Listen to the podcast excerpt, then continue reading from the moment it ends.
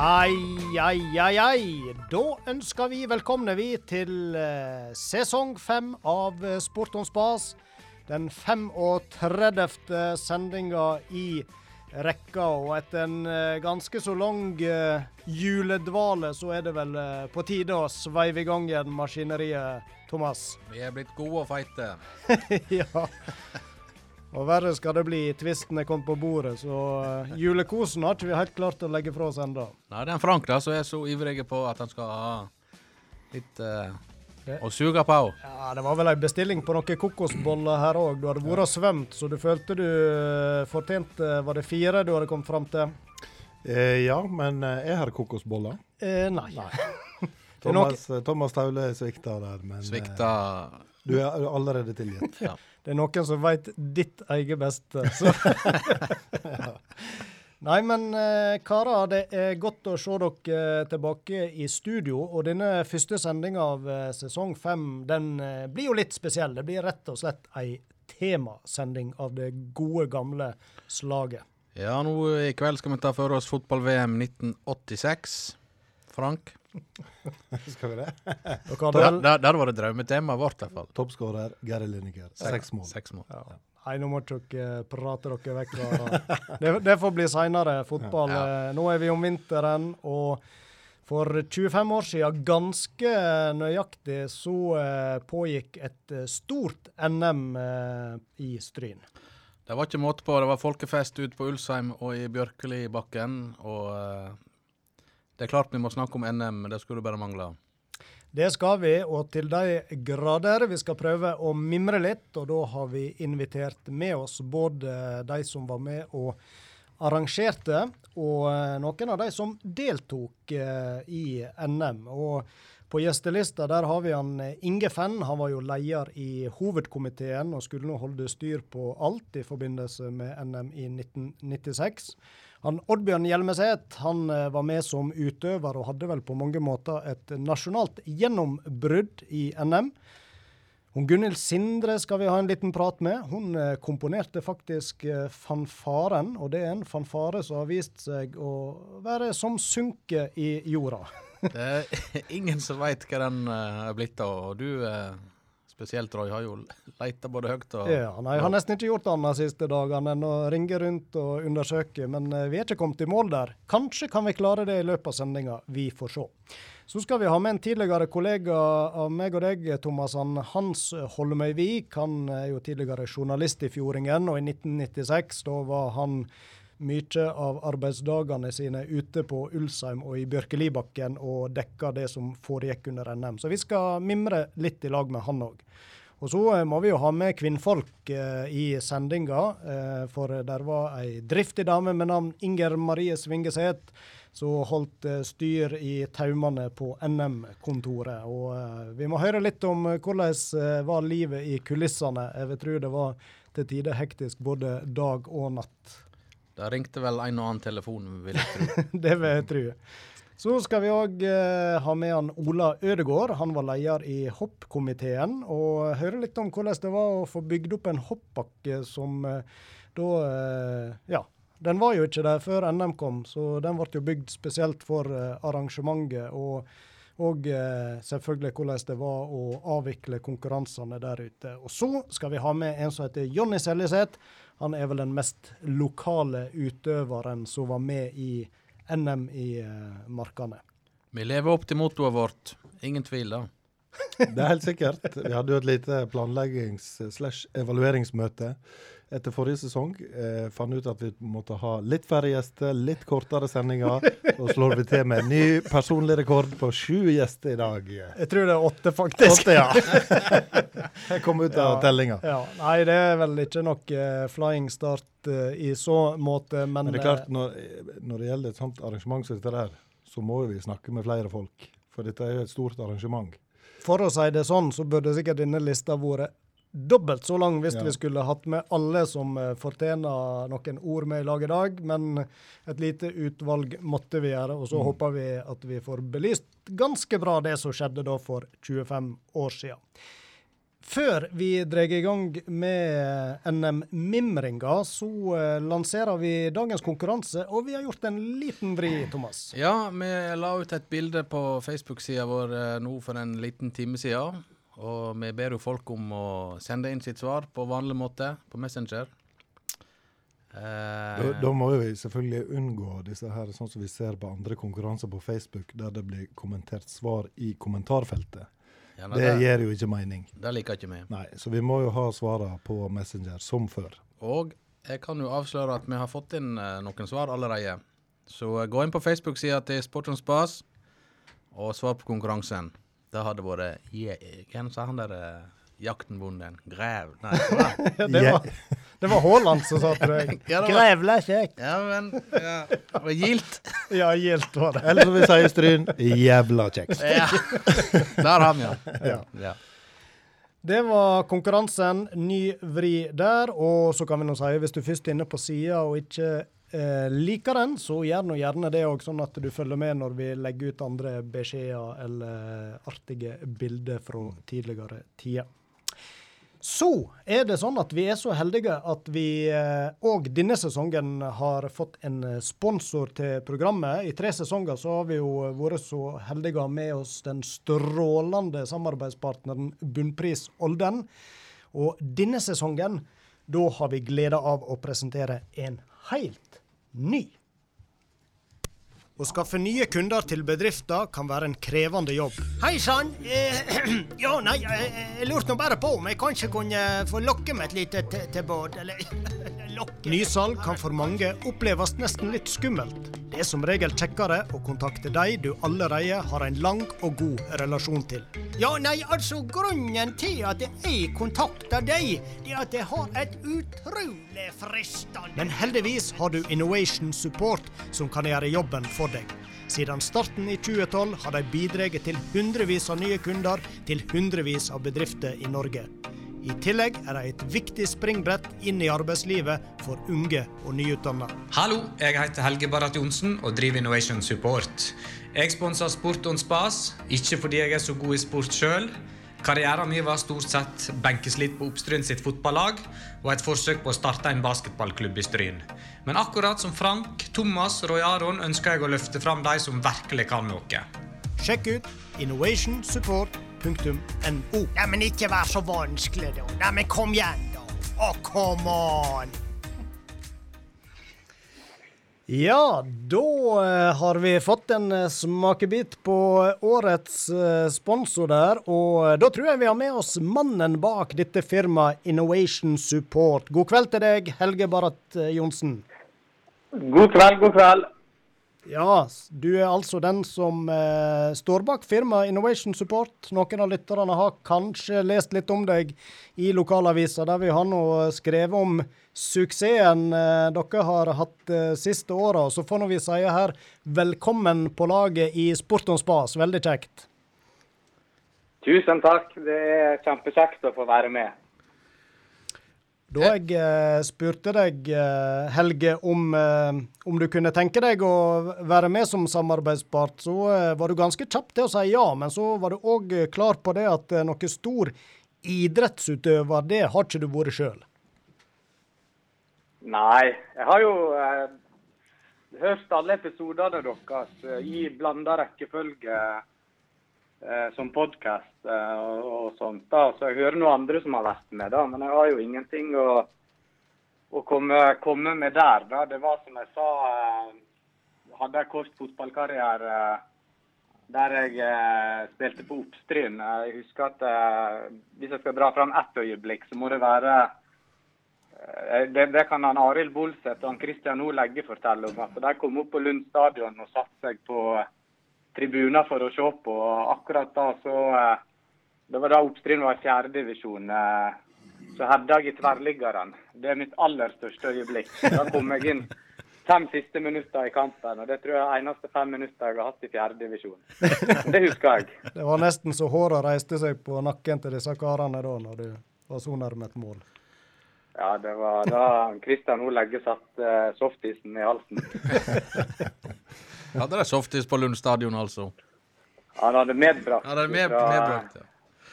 fra Stryn. Nei, jeg ser jo han Helge for meg duellsterk i et eh, 4-3-3-system oppe på Lund stadion, Frank. Gjør ikke du òg det?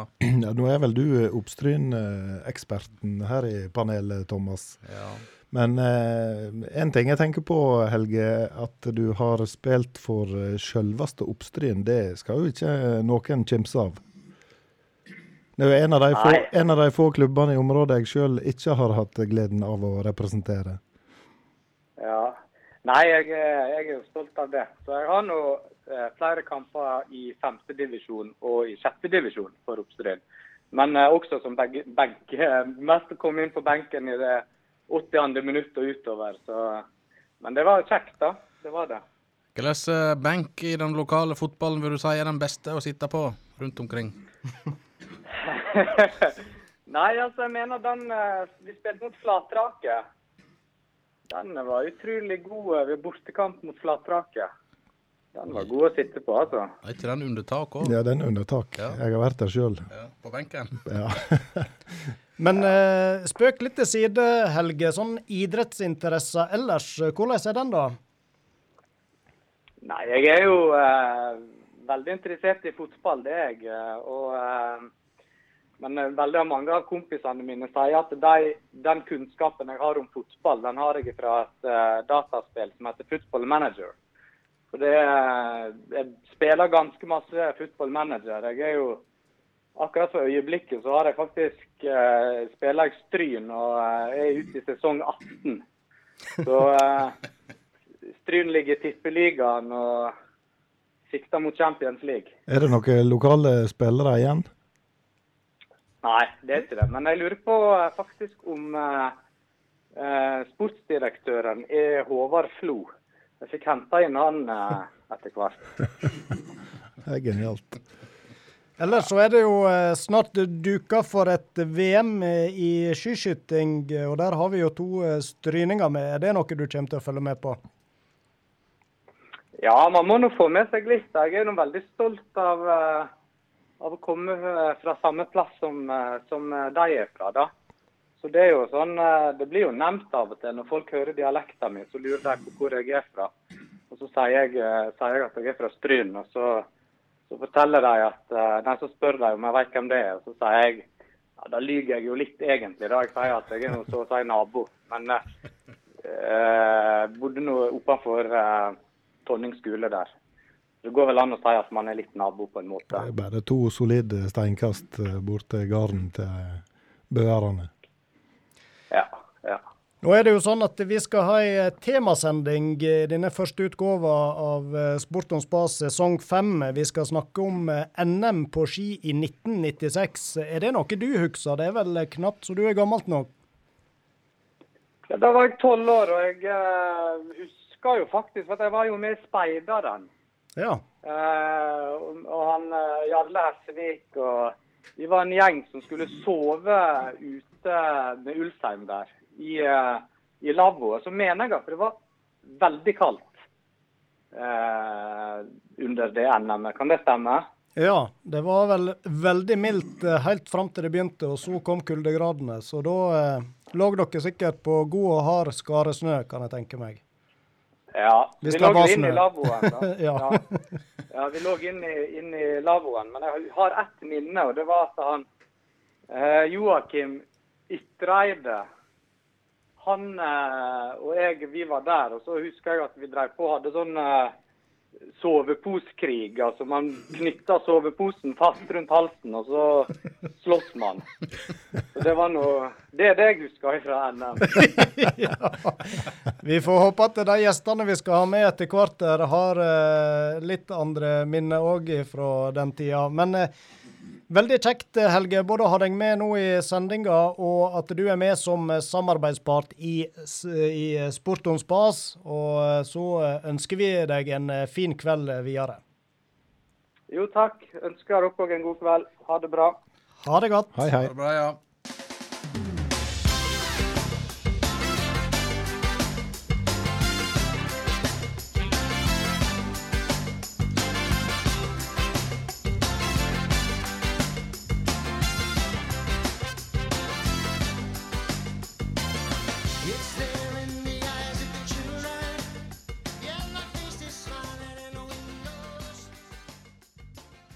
Da skal vi rette blikket mot den eh, store folkefesten som eh, fant sted i de dype skoger i markene og i Bjørkelibakken på fjellet 20.1 til 1.2 i 1996. Og med oss i studio der har vi han som skulle nå på en måte holde orden på alle disse her eh, trådene både før og under mesterskapen. Velkommen til deg, Inge Fenn. Takk for det. Du var jo leder i eh, hovedkomiteen, og først så eh, kan du kanskje fortelle litt om prosessen med å få tildelt et NM, og, og hvordan oppsto ideen om i det hele tatt eh, søke om å få dette her? Da kan vi gå litt tilbake i tid, for i 1975 hadde Markane idrettslag norgesmesterskap i langdistanseorientering. Og Daværende formann Lars Hatledal, faren hans Arvid Asper, han skrev i protokollen gi om vi kunne ha et slikt på ski en gang. Og så var det ikke så mange år etterpå for de begynte å utvikle anlegget, da med Per i spissen. Men på den tid da vi søkte for alvor, vi hadde jo utgangspunktet tenkt at markene skulle søke langrenn. Men da var det et krav om hoppbakker. Alt skulle være samla.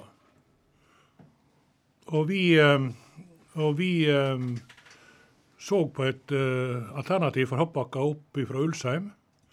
Men han, Ola Sæteren, som da var anleggsrådgiver, han uh, så det for dårlig, for det måtte sprenge inn i fjell en liten grad. Derimot så hadde vi et flott uh, anlegg, eller grunnlag ute på Vangen, de gamle Bjørkelibakkene. Og så ved å gjøre det på den måten, så ble det jo mange flere om arrangementet. Og da forma det seg etter hvert at det ble både Harbagg og Veten og Markane som skulle gå i lag om dette her. Og det ble bestemt å bygge hoppanlegget på, i Bjørklibakkane og utvikle videre. Det var veldig tungt å få folk til å forstå at det var mulig å reise på et NM på Vestlandet. Det hadde vært på Voss riktignok, og i Molde, men uh, Sogn og Fjordane det var liksom noe svart noe. Og så i 91, da begynte det å bli bra anlegg, da ja, det var Langeland som sto på målstreken. Det var litt konkurranse, og de klarte å få kapret norgescuprenn for junior. Ca. 800 deltakere. Og um, da TD-en kom og de skulle arrangere i Førde, så hadde de ikke annet å tilby enn Møld. Og det er vanskelig å smørje etter. Han, eh, Frank Pedersen han kjente meg, han ringte og spurte om vi hadde snøv. Og jeg sa nå ja, under tvil. Vi hadde det. Men den dagen vi arrangerte, da var det 11 varmegrader. Og det gikk bra. Og da hadde vi liksom lagt et grunnlag. Og på den tid hadde jeg eh, ganske mye kontakt gjennom skikretsen og hadde vært med i en del komiteer i Skiforbundet, kjente folket. Sånn at uh, vi sendte søknaden. Og 8. mars i 93, da vedtok uh, Norges Skiforbund styre, at vi kunne velge. Ville vi ha en, delt NM del to i 95, eller et fullt mesterskap i 96. Og da valgte vi det siste. Mm. Jeg tenkte vi kunne høre et lite klipp her fra Radio Stryn i 1996. De lagde NM-radio både dag og natt. Og Der var daværende skipresident han Jan Jensen han var intervjua jeg tror det er under åpningsseremonien. Og Da ble han spurt om hvorfor markene Markane, Veten og Harbag var tildelt et NM. Vi kan høre hva han sa. Hva var det som i utgangspunktet gjorde at dere valgte Stryn som arrangør? De hadde på et kvalitative vurderinger. De hadde et opplegg som eh, var bedre enn det de andre hadde. Og uten å bli for spesifikk, det, det er jeg eh, ikke innstilt på her og nå. Men eh, så langt så er du fornøyd med, med arrangøren? Ja, det ser kjempefint ut.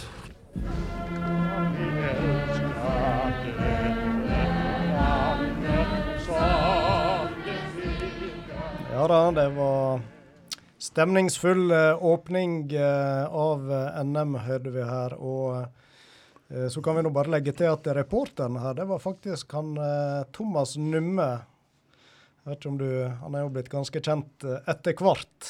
på den tid da var han eh, mediestudent i Volda. Det var de som bidro til radiosendinga her under NM. Så på mange måter fikk han sin ilddåp i radiostrien. Men uh, iallfall, vi hørte han eh, Jan Jensen. De var, virka godt fornøyd med valget, selv om det var nå litt sånn eh, smådramatikk når det begynner å dra seg til eh, NM-dagene. Vi skal komme litt tilbake til det. Men jeg bare tenker på det å, å, bygge en organisasjon til et så stort arrangement. Kan du si noen ord om eh, hvordan den jobben var? Ja, Det er 25 år siden, så det er ikke så enkelt. Men eh, hvis en skal summere hele fra starten til vi var ferdige, så eh, må det være at ordet nei eksisterte ikke. Altså det, Uansett hva det var, så var det ja. Og folk var engasjerte, enten det, det var selve arrangementet eller hjelpe til økonomi. Altså, jeg, jeg, jeg, kan ikke huske at det var et menneske som sa nei. Og da går det seg til etter hvert. Så det var eh, denne berømte dugnadsånda som virkelig eh, skein her da i Indre Nordfjord eh, på denne tida? Ja, det vil jeg absolutt si at det var. Og hun slo jo ut i full blomst under siste veka før NM, når vi skulle berge oss. Ja, du må fortelle litt om det, Inge. Fordi at eh, oppi alle andre utfordringer, kanskje, så kom jo eh, mildværet og fønvinden med full kraft? Ja, Det var jo veldig fint i jula.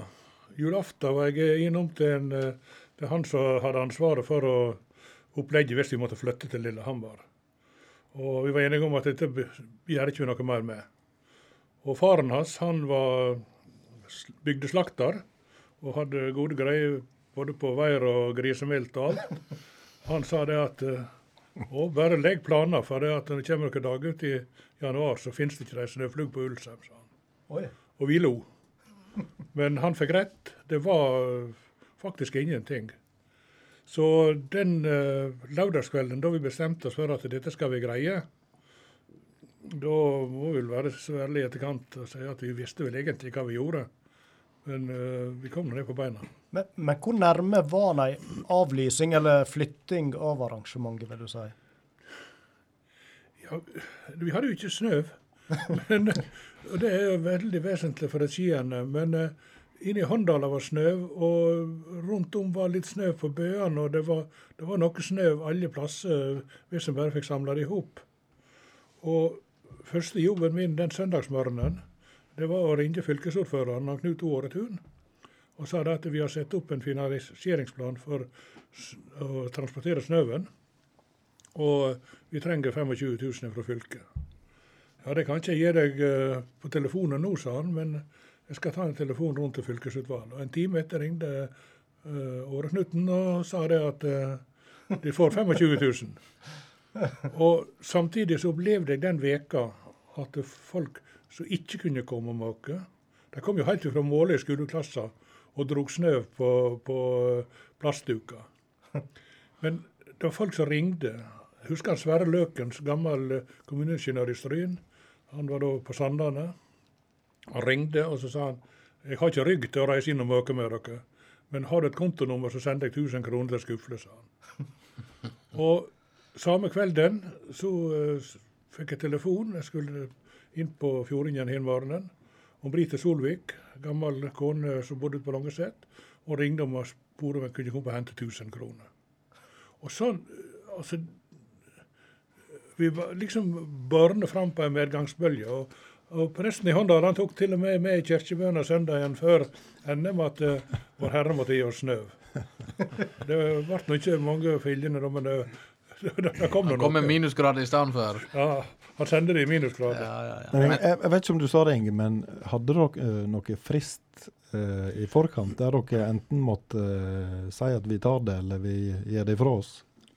Jeg mener at vi hadde en frist til 13. januar. Og det vil altså si ei uke før. Ja.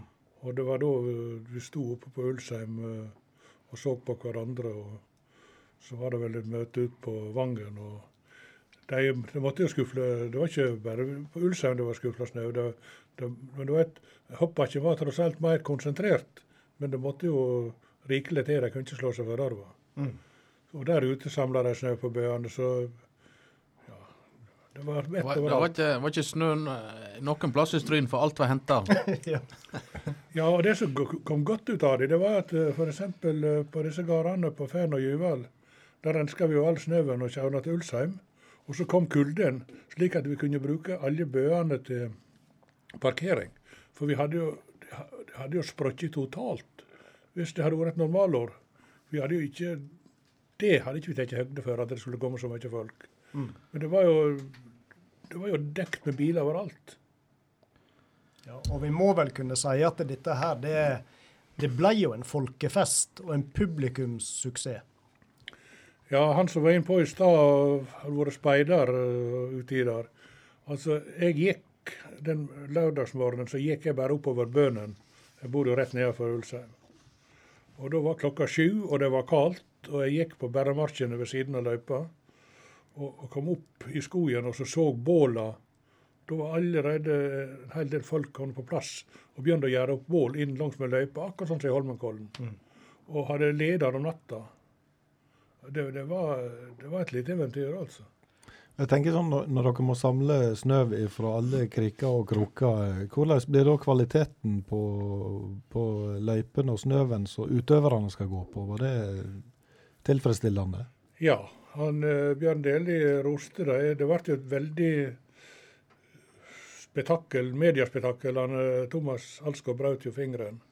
Ja, vi skal komme litt inn på den Ja. seinere, men eh, Så, det gikk ikke helt men, fritt. men Bjørn Dele sa jo det i etterkant for å rydde i den diskusjonen at eh, det var topp kvalitet på løypene. Mm.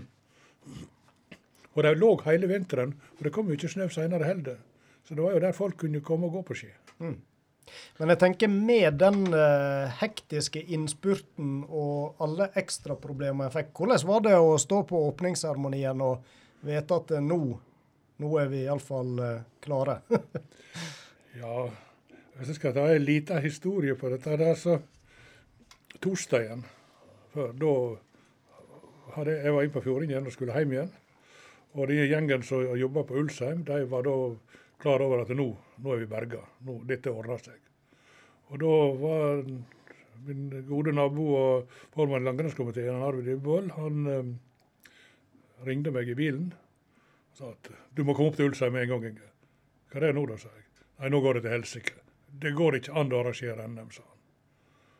Og jeg eh, fikk en stor klump i magen og kjørte så fort jeg aldri har gjort før opp til Ulsheim. og tenkte, satt og tenkte på hvor jeg skal berge meg ut av denne situasjonen. Og så let jeg opp døra, og da sitter hele flokken og gapler veit du, når de ser meg komme inn. Og da, var det i orden. Eh, at det var en folkefest, det er ikke tvil om. Og jeg tenkte vi skulle spandere på oss et lite lydklipp til av noen som eh, koste seg over at eh, eh, NM-festen var kommet til Strynebygda. Og da eh, mener jeg det er han eh, Lars Isehaug vi skal høre her. En av de som rensket stemmen skikkelig under nasjonalsangen, var Lars Isehaug, som er svært positiv til at Stryn får arrangere NM på ski. Det betyr veldig mye. Det Det er veldig festlig å få et sånt mesterskap her til Stryn. Det er første gangen vi har hatt det her i Sogn og Fjordane fylke. Du kommer til å møte opp på de fleste arrangementer, eller? Ja, jeg kommer til å møte opp og se på. For det skal bli veldig interessant å se disse ståløperne. Bjørn, Bjørn Dæhlie og, og Vegard Ulvang og, og flere andre. Veldig kjekt å få se dem på netthold. Før har vi sett dem bare på fjernsyn. Ja, det var for høyrefoten min, og så prøver jeg et for venstrefoten nå. Én, to, tre. Ja, det var liv ifra Per Bolstadplass, plass, det. Eh, Han vi hørte på slutten her, var det han Kristen Kveld òg? Hørte du eh, Ja, det var iallfall han som var spiker under NM. Ja, høres, høres litt ut som han som var spiker der nede òg, kanskje. Så han- Ja, han var nå brukt det hele tida omtrent. Ja. Eh, vi skal ta og eh, flytte oss over til en annen marker, får vi si. For til ethvert NM, med respekt for seg sjøl, Inge, så eh, hører du jo med en NM-fanfare. Og eh, den som var komponisten bak eh, fanfaren i Stryn, det var hun Gunhild Sindre. Og da tror jeg du er med oss på telefon. Ja, det stemmer. Ja, Og da eh, må jeg jo spørre deg, denne fanfaren som du eh, komponerte, kan du fortelle kort eh, hvordan du ble inspirert til den? Ja, øhm, jeg bodde jo ikke her på den tida. Jeg bodde i, Hemsedal. Og så leste jeg jo om det her med at det skulle være en fanfarekonkurranse. Det leste jeg om i Fjordingen, faktisk. Eh, og så tenkte jeg jo ikke noe mer på det. Men så slo det meg Begynte jeg liksom å gruble litt på hva slags fanfare det burde vært. Og så tenkte jeg på fanfaren som Nils Henrik Asheim komponerte til OL. Og da tok han utgangspunkt i en en veldig kjent feleslått, Bjølleslåtten, og så laga han fanfare. Og da tenkte jeg at hvis noen skulle lage fanfare til NM i Stryn, så måtte de jo selvfølgelig ha brukt utgangspunkt i Fagre Stryn, for det er nå en, en melodi som veldig mange kjenner. Og da laga det seg ei fanfare oppi huet mitt, og den ble jeg altså ikke kvitt. Jeg hadde jo ikke tenkt å gjøre noe med dette i det hele tatt, men den var der oppe i toppetasjen. Så til slutt så øh, gikk jeg til en som jeg øh, jobba sammen med på kulturskolen i Hemsedal, og så fikk jeg låne et keyboard og fikk fomla ut denne fanfara med tre stemmer, sånn at jeg kunne skrive den med og, og få den ut av hodet. Så da sendte jeg den jo faktisk inn, da. Eh, som, som, som den het vel Fagre Stryn-fanfare, tror jeg. Hvor lang tid, bruk, hvor lang tid Ja. brukte du, Gunhild, fra ideen kom til fanfaren var sendt inn? Nei, det gikk jo faktisk en stund, for jeg hadde jo ikke tenkt å delta i dette her. Men den var altså oppi hodet mitt og hadde laga seg helt sjøl på et lite øyeblikk, så da måtte jeg bare til slutt få den ut. Så det var ikke så veldig, det var ikke så veldig vanskelig å lage den, for den hadde jo allerede laga seg sjøl. Så, um, men den er jo ikke lang, da. Den er jo under ti sekunder. Det er jo bare ei, ei fanfare. Men jeg sendte den inn, og så tenkte jeg jo ikke noe mer på det da, før eh, han Inge ringte meg faktisk og sa at eh, det var eh, jeg som hadde laga NM-fanfaren. Jeg Ja. har hørt den, eh, hørt den én gang. Ja, ja Det var på, det var på radio. var hun en eh, klar eh, vinnerkandidat, hun eh, Gunhild? Husker du? Ja, jeg husker ikke så veldig mye av dette der. eh, Musikk har ikke vært min sterke side, men eh, jeg husker godt at han vant. Ja. Eh, men så er det sånn da, Gunhild. Ja, du har bare hørt han én gang, sier du. Nå skulle vi jo selvfølgelig etter planen hatt fanfaren og spilt han opp igjen, så alle fikk høre den. Men det viste jo seg når vi skulle prøve å finne han, at det var nå et detektivarbeid uten sidestykke. Og faktum er jo at eh, den er jo som sunket i jorda. Ja, vi har jo vært i kontakt med både lokale folk her i Stryn og Det meste som kryper og går så har med musikk å gjøre, tror jeg. Vært i kontakt med NRK, og ingen eh, kan eh, hjelpe oss. Eh. Så jeg eh, veit ikke, Gunhild. Skal vi rett og slett oppfordre lytterne som forhåpentligvis hører på oss nå, hvis det er noen som har en mistanke om eh, om eh, et opptak av denne fanfaren, at de tipsa oss. For eh, det hadde vel vært kjekt å høre den igjen? Ja, det hadde vært det. Jeg kom på, jeg har hørt den en gang også på Ulsheim, som var brukt i noen, på noen arrangementer seinere. Og da en eller annen gang jeg var funksjonær der, så husker jeg at jeg, at jeg hørte den. Så den har jo eksistert på, enten det var på bånd eller på eh, lydfil, et eller annet. Men eh, hvor den har eh, forsvunnet i flytteprosesser og et eller annet eh, forskjellig sånt, det aner jeg ikke. Så det hadde vært fryktelig morsomt hvis noen faktisk hadde et opptak. Så, Det- eh, hvis ikke får jeg sette meg ned og skrive den ned på nytt og få, tvinge noen til å spille den inn. Eh, Jeg har én idé om leiting.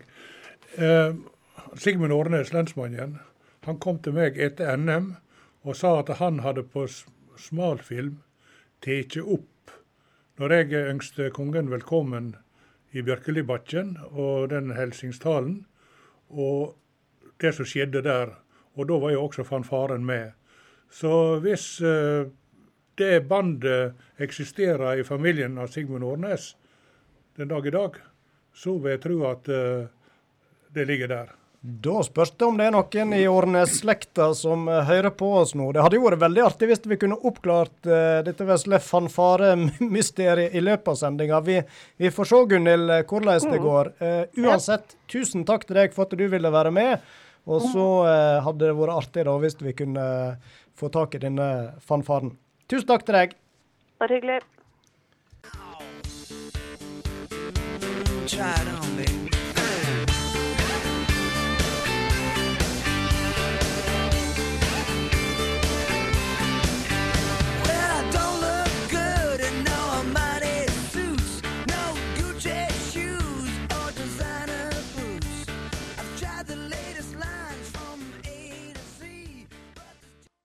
Som nevnt så ble jo NM arrangert av de tre lokale idrettslagene Harbag, Veten og Markane, og foregikk da på de to arenaene Ulsheim og eh, hoppøvingene. Det var i Bjørkelibakken på Fjelli. Og eh, nå har vi med oss han som var leder for eh, hoppkomiteen under NM, Ola Ødegård. God kveld til deg. Ja, god kveld. Ja, det var jo ingen ingen hoppbakke på fjellet eh, før eh, NM, og eh, det vel rett å si den ble rett og slett bygd til det formålet, stemmer ikke det? Ja, det stemmer. Jeg tror jeg det er litt så sterkt som at uten bakke, ikke NM. For på den tid så hadde de en uh, filosofi om at de ville ha hopp og langrenn og flest mulig øvelser i samme område. Ja, det er jo Så, litt, eh, litt annet enn sånn som det er nå. Nå er det jo mer oppdelt. Både hoppet for seg og langrenn er delt i flere bolker. Men uh, eh, i 1996, da var det vel NM i nesten to uker til endes. Ja, det, det var det. Og hoppøvingene de eh, vart, eh, kom vel helt på tampen, iallfall for spesialhopperne. Hvis jeg ikke husker feil, så var det vel de som avslutta NM med Espen Bredesen i spissen. Ja, det stemmer, stemmer det at, eh, at uh, hoppøvelsene var på uh, samme i helga. Ja. Så det ble, uh, det ble uh, hovedkonkurransen på hopp uh, søndag. Mm. Men du, dette med å eh, bygge en uh, hoppbakke, uh, hvordan gikk en til verks da? Det var ikke akkurat noen hadde mye erfaring med, vil jeg tro. Nei, det kan jeg vel godt si at eh, det var ikke noen som hadde. Nei.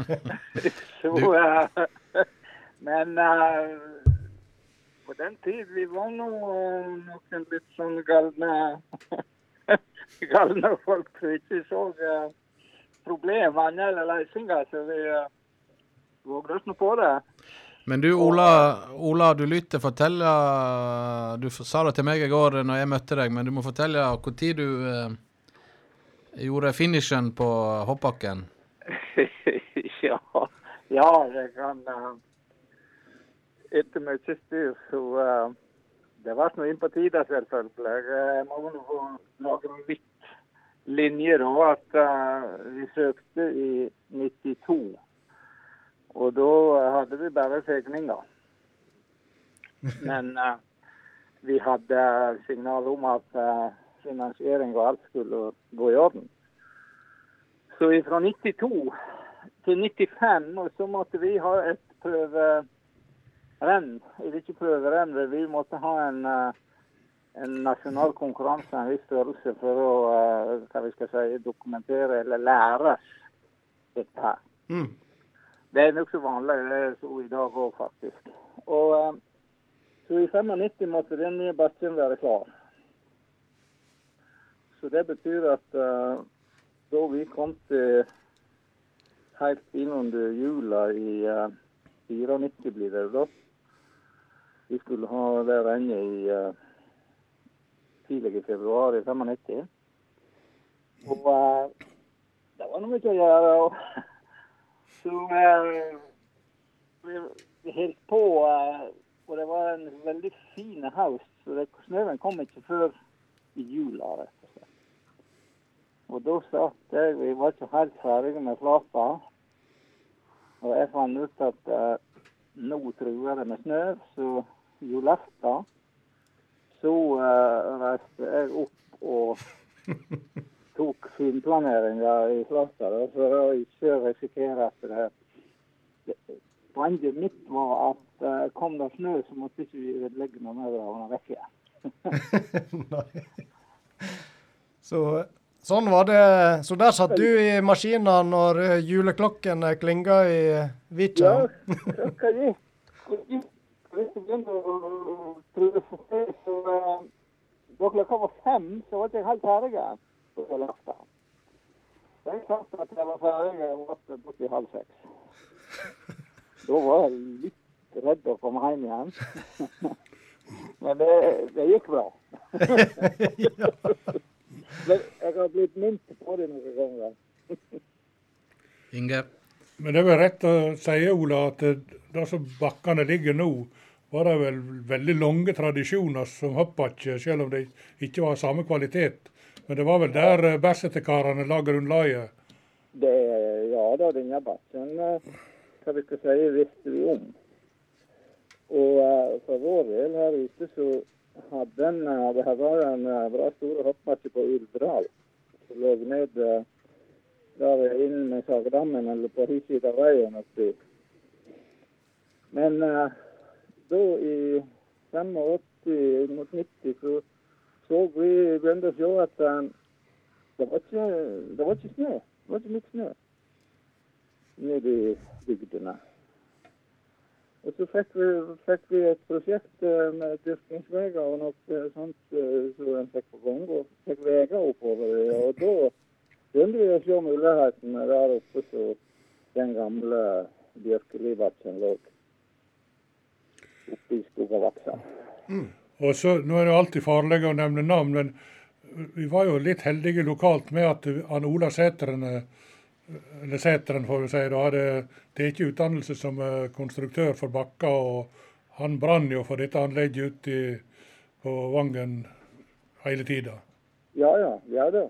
Vi, eh, vi hadde nå en eh, litt grundig før en landa på hva vi skulle bygge her nå. Vi eh, var nå en gjeng så han Ola og jeg, han uh, Uvald og Kristian Handala. Så vi så på disse gamle emnene, både på Setren og borti Handala og her ute. Og så eh, Nei, altså Ola sin har kunnskap, da. Så eh, fikk han kostnadsrekna disse prosjektene. Og da kom denne Bjørkelibakken veldig gunstig ut. Og etter at vi fikk gjort den jobben, så var det ikke noe diskusjon om hva en hoppbakke skulle ligge. Nei, Det var jo også den mest snøsikre av alle alternativer. Ja, han ligger jo på Lata ligger nå på 500 meter. Mm. Men et litt eh, dramatikk, eller iallfall innspurt der òg, som det ofte er å få store anlegg eh, i mål i 1995. Så fikk en arrangert eh, Det var et norgescuprenn. Ja. Og da var en på en måte godkjent og klare for 1996. Og eh, husker du noe fra NM, eller er det nesten så det har forsvunnet etter hektiske NM-dager? Nå datt du litt ut. Jeg er ikke sikker på om jeg fikk med meg hele sammenhengen. Nei, det var mer om du husker, NM-dagene i 1996, når eh, NM endelig kom, og, eller om det var hektisk, så du ikke fikk tatt inn så mye. Jeg tror jeg, tror jeg kan si det at eh, det, det store bildet av NM, det har ikke eh, jeg helt innabords fordi at eh, de var så fokuserte på den jobben at Renja skulle gå, at å, å få med seg detaljer rundt det, det er andre som har fått med seg mer av enn jeg. Ja. Nei, det er vel sånn det blir. Jo nærmere på den er, jo, jo, jo mindre nesten eh, tar en inn. Men uh, det ble jo referert, så jeg, uh, i reportasje fra hopperen, det var vel gjerne spesialhopperen, at det var nærmere 4000 publikummere der. Kan det stemme? Ja, jeg tror nok det. At, at for, for det var Og det var vel da det ble så fint vær. Og når da disse hopprenna som fikk gå lørdag og søndag, og folk hadde eh, tid på jobb og forskjellig, så, så er det rett at det var veldig mye folk da eh, lørdag og søndag. På Ulsheim, Ola, kunne de jo innføre enveiskjøring for å løse trafikale eh, utfordringer, men det kunne ikke de opp til Bjørkelibakken. Nei, men vi hadde trafikkdirigering, og så parallelt med at vi fikk bygd dette anlegget, da, så ble kommunen med på eh, via forskottering og noe at vi fikk utvida vei ned fra bygda og opp forbi Vangen og opp der så vi bygde ny vei sjøl når vi bygde anlegget. så trafikkproblemer, eller det, det vanskelige partiet, det var uh, ifra uh, skal vi si, Bersetun og ned på hovedveien. Og da ser du veien både nærmere og over. Og så hadde vi trafikkdirigering, og bussene de, eh, de hadde òg kontakt med hverandre. Så de, de snakket med hverandre og venta enten oppe eller nede. Og når en først skal nå mimre, det er vel eneste gangen kongen har blitt kjørt i hest og sluffe opp til, opp til tribuner. Det var i Bjørkelibakken. Og det var jo en prosess, det òg, med alle fjordhestene og, og sluffene oppi gjennom der. Ja, ja. Og, og så må jeg ta en liten historie, for jeg kom opp på arenaen etter at NM var over. Jeg vet ikke, det var et ærend. Da, da sto der en bil opp med hoppa. Og plutselig så ser jeg at den bilen snurrer ut og kommer ned bakken. Og ned i overgangen og ut på sletta. Ja, du så det. Jeg så det, ja. Avslørt. Vi kan vel si nå at dette har han Arvid Sølberg gleda seg på hele NM. Ja, det var jo han som var maskinpreparerer. Litt, litt glede av bakken ville vel han òg ha? ja, da var det over, så det var ikke noen som kunne si noe om det var et bilspor. Men jeg tror, eh, jeg tror ikke han gjør det opp igjen. Nei, vi får tro det. Nei, han sa det sjøl. Ola, det var kjekt at du òg ville være med og mimre litt tilbake 25 år eh, siden NM. Og eh, da eh, sier vi eh, tusen takk til deg og en fin kveld videre. Ja, takk for det. Det òg. Ha det godt. noen på si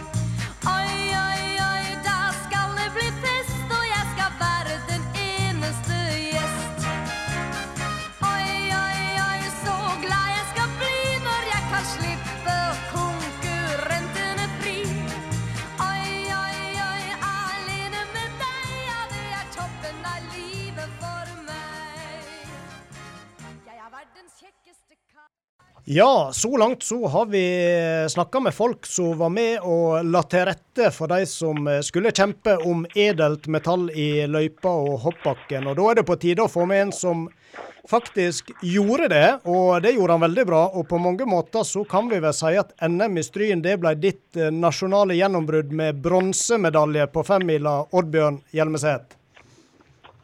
Ja, det kan jeg jo.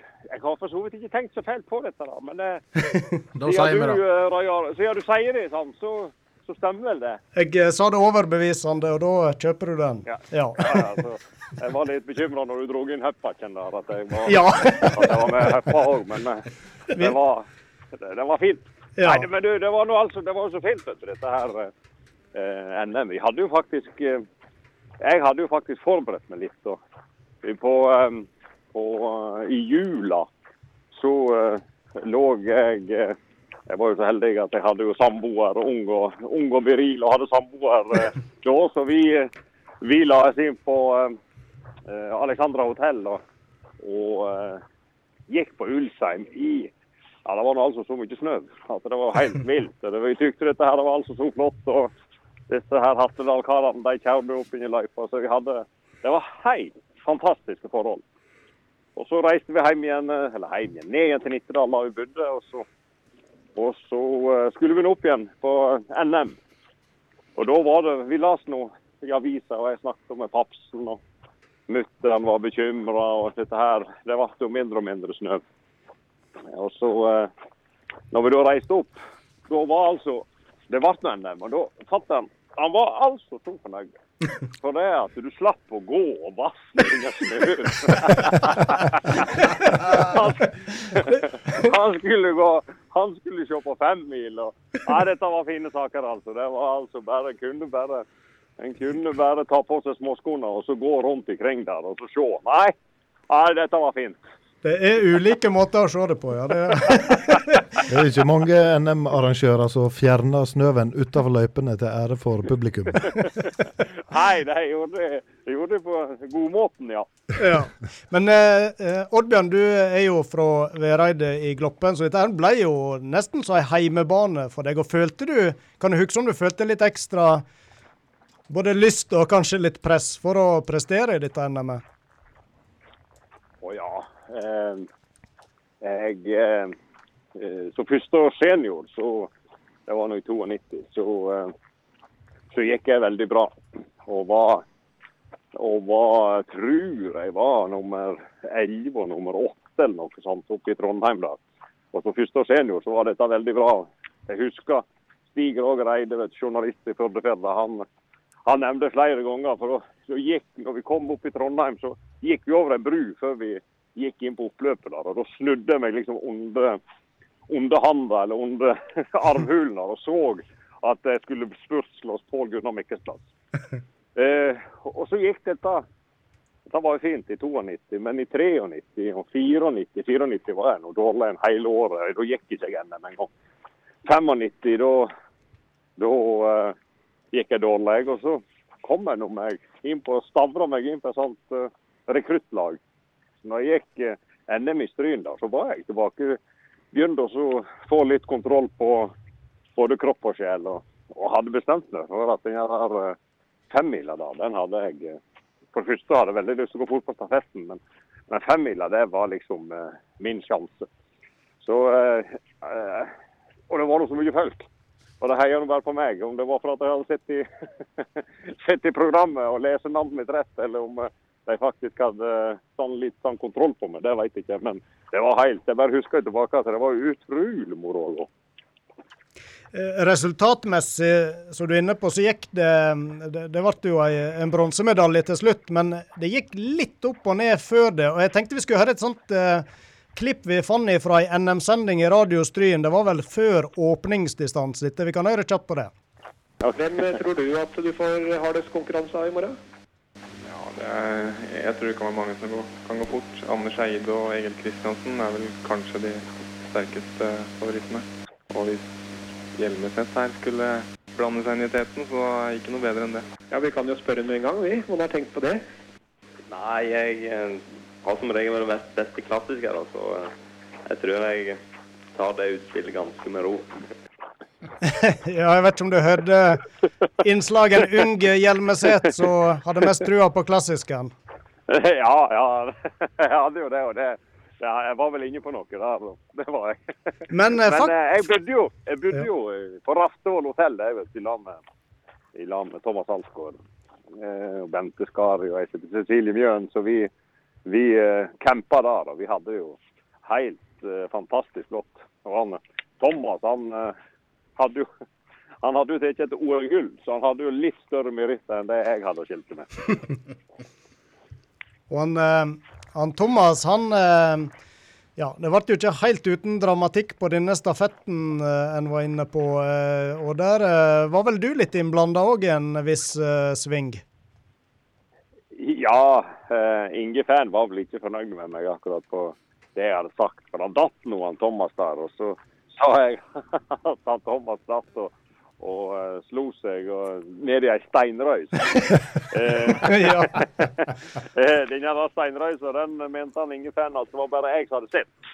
Ja. Uh, og det kan jo hende stemme òg, men uh, uansett, Thomas brøt iallfall handa. Uh, så han, han traff nå sikkert en stein. Det gjorde han. Så. Men ja, stafetten, den var eh, Jeg husker jo ikke eh, 100 hvordan, hva som skjedde akkurat i dette, der, eh, dette fallet der, men jeg husker jo det at det var eh, det var, det var tørt og fint på utsida den dagen òg. Og, og det gikk veldig fort. og Det var utrolig skarpt. Så at det gikk så bra som det gjorde, det, det, det var nå bra, det. Ja, på NM-stafetten så eh, gjorde du vel såpass bra at du faktisk eh, sendte ut Per Knut Aaland i tet, for han gikk jo for Fjellugvereidet. Det var vel en stund siden han hadde opplevd å gå i eh, tetgruppa på en stafett da. Han var jo begynt å bli en veteran, må vi kunne si. Ja, men det var, det var moro, det.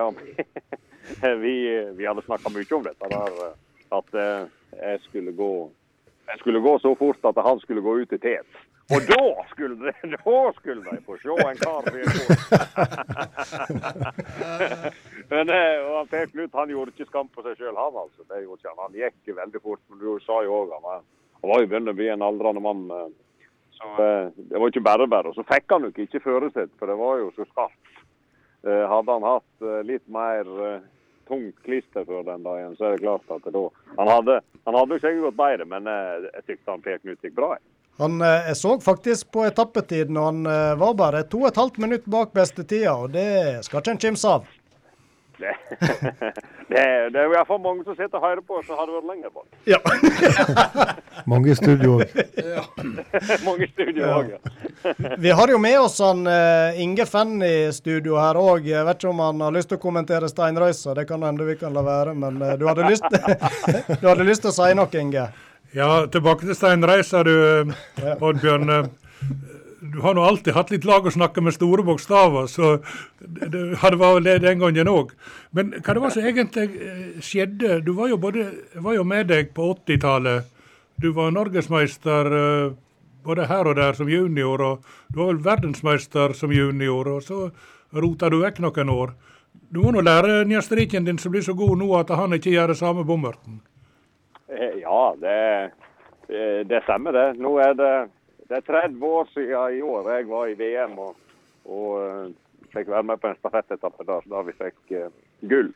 Og nå er det i morgen, nei, i dag er det, torst, uh, dag er det onsdag. Fredag så reiser vi til Lasti, så da, så da skal han prøve å, å gjøre så godt han kan. Men uh, han er eh, ja, skal jeg si det, han har nok litt mer ro og kontroll enn det, enn det jeg hadde når jeg var like gammel. Det hadde jeg. Og jeg ble dårlig i magen. Lars han eh, fant vi veldig tidlig ut på dårlig i magen. Så han, han har cøliaki og han har så mange allergier at jeg, jeg har vært med i alle mesterskap som han har vært i. og det, Selv om han er bare selv om han er bare 19 år, så har han faktisk vært i ett sommer-OL for ungdommer, ett vinter-OL for ungdommer, ett junior-VM pluss et europamesterskap i friidrett. Så jeg har fått være med på noen mesterskap og lage mat i han. og Det, det skal jeg gjøre denne gangen her òg. Så jeg, den har vi iallfall kontroll på. Så får vi se om man får kontroll på litt mer kontroll på utagerende ting enn det jeg hadde. Han har iallfall litt bedre kontroll på føttene eller du i begynnelsen, for de slang nå til alle kanter når du gikk.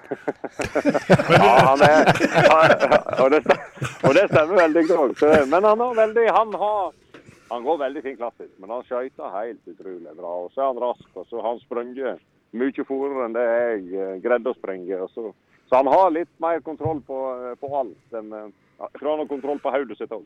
Men eh, vi skal ikke prate fra dine prestasjoner. Du har tatt eh, mange NM-medaljer og VM-medaljer siden 1996. Men til slutt, Oddbjørn. Eh, hvor eh, vil du plassere din NM-medalje når du endelig slo gjennom og fikk på femmila 1996? Ja, si det. det eh, jeg hadde et langt intervju med VG i dag. Og der de var veldig opptatt av hva slags løp som var best. Mm. Der jeg, eh, der jeg nevnte ett løp, så jeg tror, ikke, jeg tror ikke det kommer på trykk i VG. Men jeg kan iallfall eh, ta det på trykk i, eh, i Radio Stryn. Og det, eh, i, det, I 1992 så eh, kom jeg hjem igjen fra NM og hadde gått fantastisk eh, bra. Og så eh, eh, og da når jeg kom hjem igjen, da skulle jeg gå KM opp på Kleivane. Og eh, da Jeg var mye mer nervøs da for at jeg ikke skulle greie å vinne KM enn jeg var når jeg var ble nummer 7-8 på NM. Eh, men så kommer vi to år etterpå, og da går jeg kanskje ett av mine beste løp noen gang.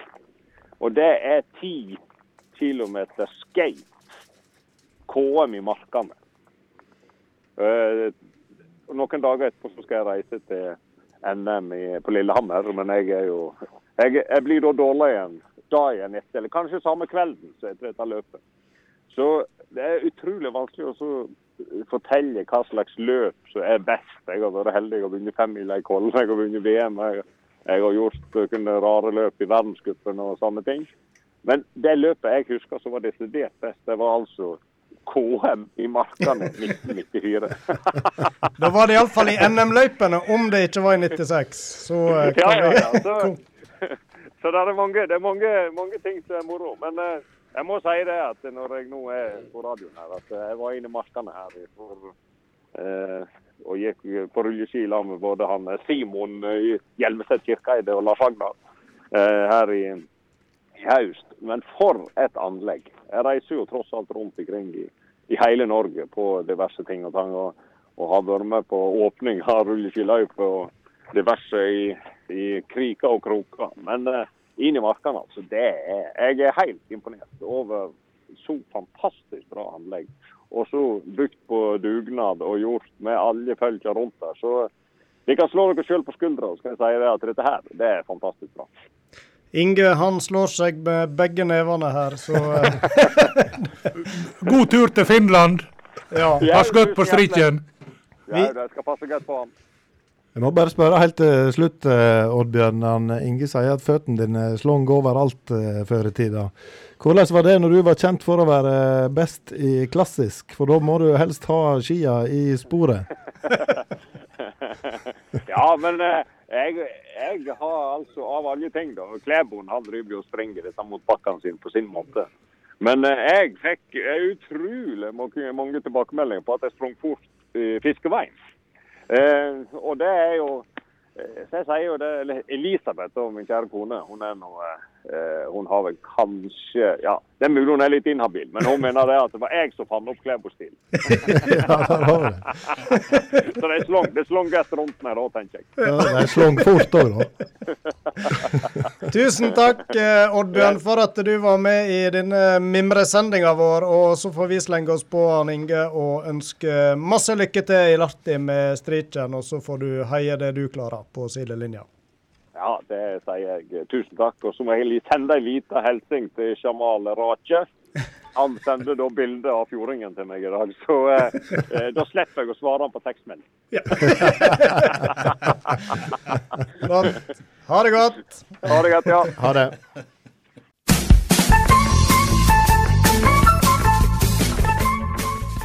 Flott. Ha det godt, Sundman. Ha det Sundemann. Jeg veit ikke fram eller bak på en ball, men sport og spas, da har jeg sansen for.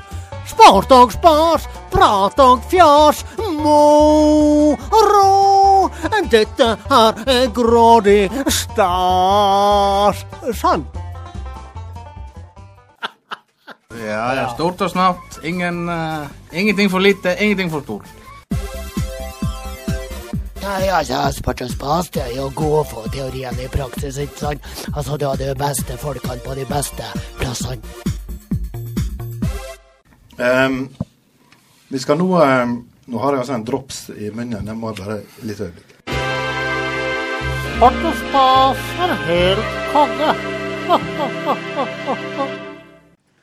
De eh, fleste de som var med i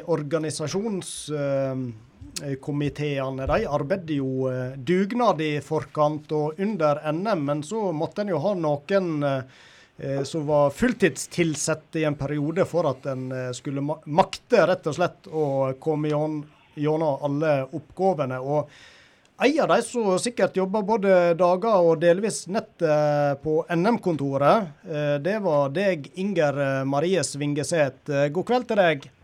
God kveld, god kveld. Ja, og eh, da jeg lurte på om du kunne være med og, og mimre litt i kveld tilbake til 1996, så sa du at du stort sett så la du bak deg ting som var avslutta. Du, du lurte nå litt på hvor mye du egentlig husker, men, men noe husker du vel fra ditt spesielle arrangementet? Ja, det må vi vel gjøre. Det er ikke forsvunnet alt. Men det er jo litt sånn eh, Det er jo begynner å gå en tid siden, da. Ja, det er det, men kanskje du kan starte med å si hvordan havna du inn i dette, da? Eh, nei, jeg hadde vel vært med litt inn i markene i idrettslaget og vært i, Jeg var vel i skiskyttergruppa der og hadde jo vært med på litt arrangement før. Og så um, høsten da, så drev jeg og avslutta et prosjektarbeid for Fylkesmannen nede i Førde. Og hadde planer om å flytte opp igjen til Nordfjord. Så um, sånn var det vel det de jeg fant ut at jeg kunne være ledig akkurat i den perioden. da. Er jobben din på NM-kontoret, Inger Marie? Hva den gikk ut på, egentlig? Jeg, vi styrte jo med mye, egentlig. Men det ble jo litt sånn Der var jo sekretærer på i rennkomiteene, kan du si. Sånn at hun, Johanna Myklebust eh, ute på Vangen var jo sekretær der, og hun Aslaug Aaland på Ulsheim. Så de renntekniske sekretæroppgavene var jo ikke vi som hadde, men det ble mer det overordna med eh, litt på økonomi og det med å ta imot løpere og informasjon, funksjonærklede, eh, akkreditering, eh, informasjon ut til alle, da. Så var det jo mye i telefonarbeid, og så var vi jo med i de fleste av de møtene da, både på Vangen og på Ulsheim, sånn at vi skulle være oppdatert og få tildelt litt oppgaver derifra. da. Mm. Og så var det vel en med navn Inge Fenn som sikkert masa litt på deg? Eller? Ja Bare vær ærlig nå. Ja, ja, ja. Nei, ja, han klarer å kommandere, han. Men eh, det er jo det som er oppgaven òg. Å organisere sine undersåtter. Så det gikk fint, det. Men du Inger Marie, jeg vil arrestere Roy Aron litt når han sa det at du hadde lønn og vi alle vi hine jobba dugnad. For hvis en hadde regna timene dine, eller lønna di om i timelønn, så hadde hun blitt utrolig lita. For eh, du var nå tilgjengelig døgnet rundt omtrent i flere måneder. Mm. Så eh, det var nå mye dugnad med deg òg. Ja, det, det ble nå det. Men det måtte nå bare regne med når en gikk inn i en sånn oppgave. For det var jo Nei, jeg husker jo da under renndagene så var vi jo på arenaene enten på Vangen eller på Ulstein og bidro der og hadde åpne kontorkveldene og utover det. Så Vil du si det at ble det, ja. Vil du si at det var mest hektisk før eller under mesterskapet? For din del? Nei, det var nå vel Ja, det var bra hektisk. eh, Men akkurat siste veka før arrangementet starta, da da var det rimelig mye å gjøre. da. Det var litt sånn, Da skulle jo alle detaljene på plass, og folk ble jo litt stressa i alle komiteene for å få siste finishen og organisering av mye informasjon som skulle ut. og ja. ja. Så det, og under arrangementet òg, så var det jo forskjellig en skulle bidra med. da. Både, og ja, Så forflytta vi oss nå, miljøkontoret og arenaen. og Men oppi, opp, ja, oppi alt det hektiske, da, eh, ble det tid for deg å følge litt øvingene òg, så du fikk oppleve det som skjedde i løypa og hoppbakken, eller? Nei, det var ikke så eh, Jeg kan ikke huske at jeg var tilskuer, men jeg husker at jeg gikk ut og så på da han eh, Ulvangen kom i mål på et, eh, et av løpene sine og tok gull, og det var stas. Ja. Det er vel egentlig eneste sånn sportslige resultatet som jeg fikk med meg som tilskuer. Men det var ikke verst bare det? Nei, det var eh, Jeg husker den. Ja. Og så må jeg spørre, da, 25 år etterpå, så har vel en glemt alt det vonde i hermetegn. Kunne det vært fristende å gjort noe sånt opp igjen? Eh, tja, tja, tja, tja. Det, det vet jeg nå ikke. Det var jo Ja, ja, det, det er kjekt, og det var lærerikt. Og så er det jo litt sånn, En løfter jo i flokk. Den er jo ei lita brikke i et stort spill, på en måte. Så denne her eh, dugnadsinnsatsen og dette løftet som var egentlig for hele Nordfjord, det var jo helt enestående. Det var jo en Ja. Det var jo en bragd at vi fikk det til, og at eh, det ble så bra som det ble. Det tror ikke vi kunne Jeg tror ikke vi visste alt hva vi gikk inn i. Men Hjelp meg en liten grann å huske litt tilbake.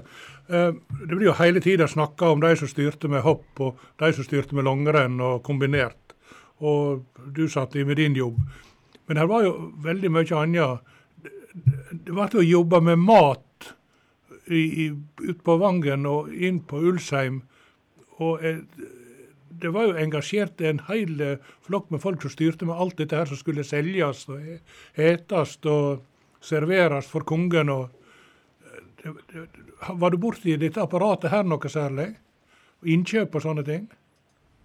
Nei, ikke, ikke på detaljnivå, men vi, hadde, vi var jo borti det i, sånn, i, i møter og, og koordinerte det. For det var jo det liksom alle andre funksjonærer, så skulle jo de ha samme tilbud og samme informasjon og funksjonærglede og forskjellig sånt styr. Så, og akkreditering kanskje, og det var jo en ja, Men, stor men, jobb òg, da. Men, eh, men det var jo de eh, særskilte seksjonene tror jeg, som organiserte det, da.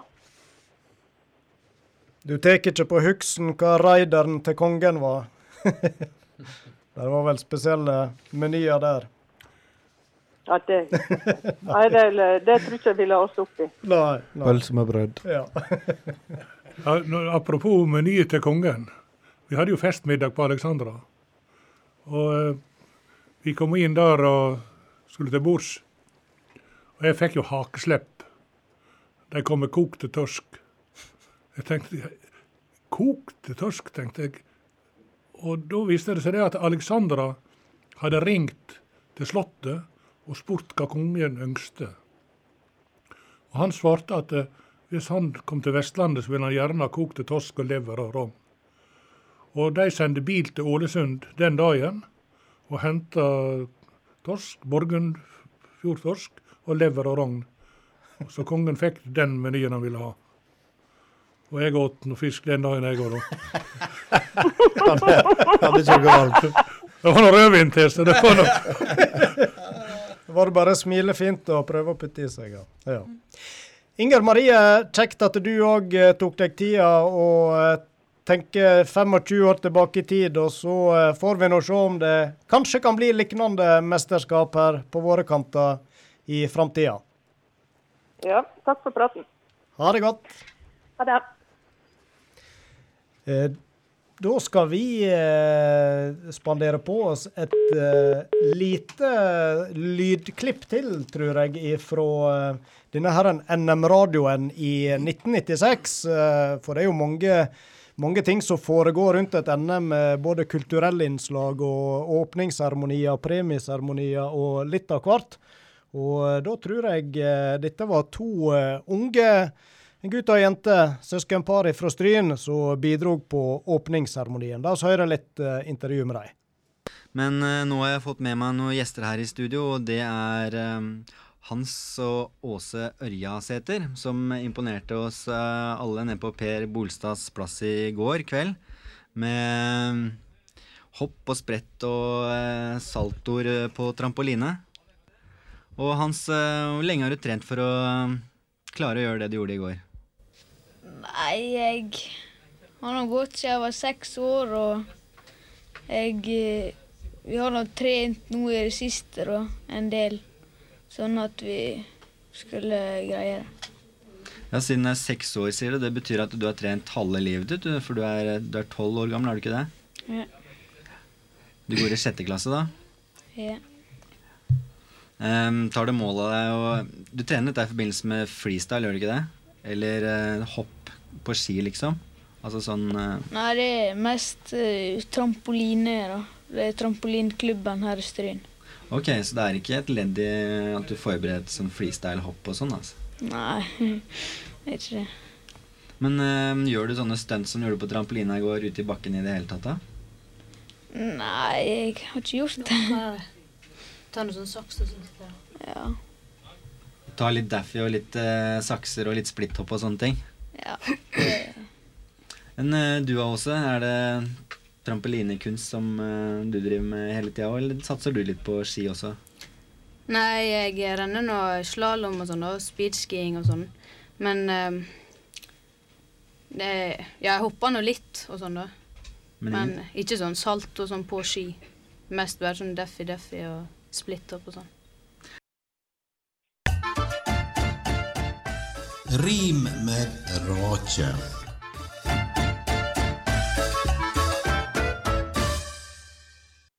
Vinteren, det er fint om vinteren når det kvite lyser opp, ei selebot for en menneskekropp. Meir tilbake til det normale slik det var før, når vi som unger boltra oss i snøv. får oss vekk fra vonde tanker om global oppvarming, heller tru at det er noe godt i emning. For alt håp er ikkje ute når snøven er bra i rute. Attpåtil har vi måneskjen og draumar om igjen å få kunne klemme ein god venn.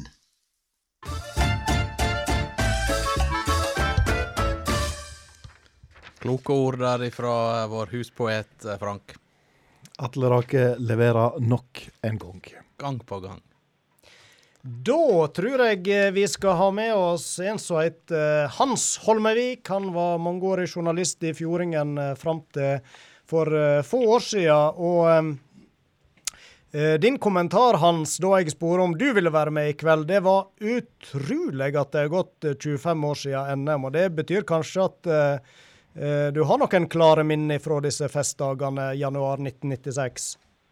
Ja, en husker en del, det er det. Men jeg må nå si meg enig med somme av disse hine som har sagt at eh, det er utrolig hva en har glemt òg. Men en del, en del husker en heldigvis.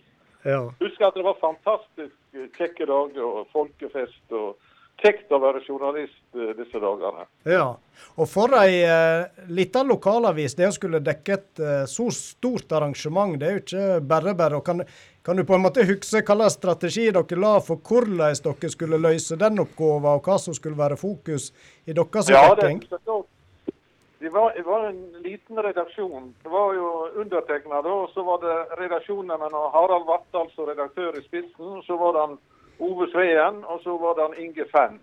Men han Inge han ble jo sett uh, ut av spill pga. NM. Sett under administrasjon. han var sett under administrasjon. Men så fikk vi hjelp av to uh, mediestudenter fra Volda. Det snakket om at han Ingvar Numme var i Radio Stryn. Vi hadde òg to utplasserte uh, journal journalistlærlinger kan vi si da, fra medielinja i Volda, som òg var til god hjelp. Sånn at det var en bra stab. Han Harald Vattal han da, og, og i lag da la vi en, en strategi på at vi skulle dekke dette her veldig godt, og vi skulle være kjappe på gata. Nå var jo dette før digitaliseringa tid med internett og alt mulig sånt. Vi gjorde jo alt arbeid med mørkeromsarbeid når vi skulle ta bilder. Vi måtte skrive på, vi, var, vi begynte å skrive på data, men alt måtte brekkes inn på teknisk, og så skulle avisa trykkes deretter på trykkeriet. Og da bestemte vi oss for at når øvelsen på dagen var ferdig, så skulle avisene være på gata til premieutdelinga og seiersseremonien på Per Bolstad plass om kvelden.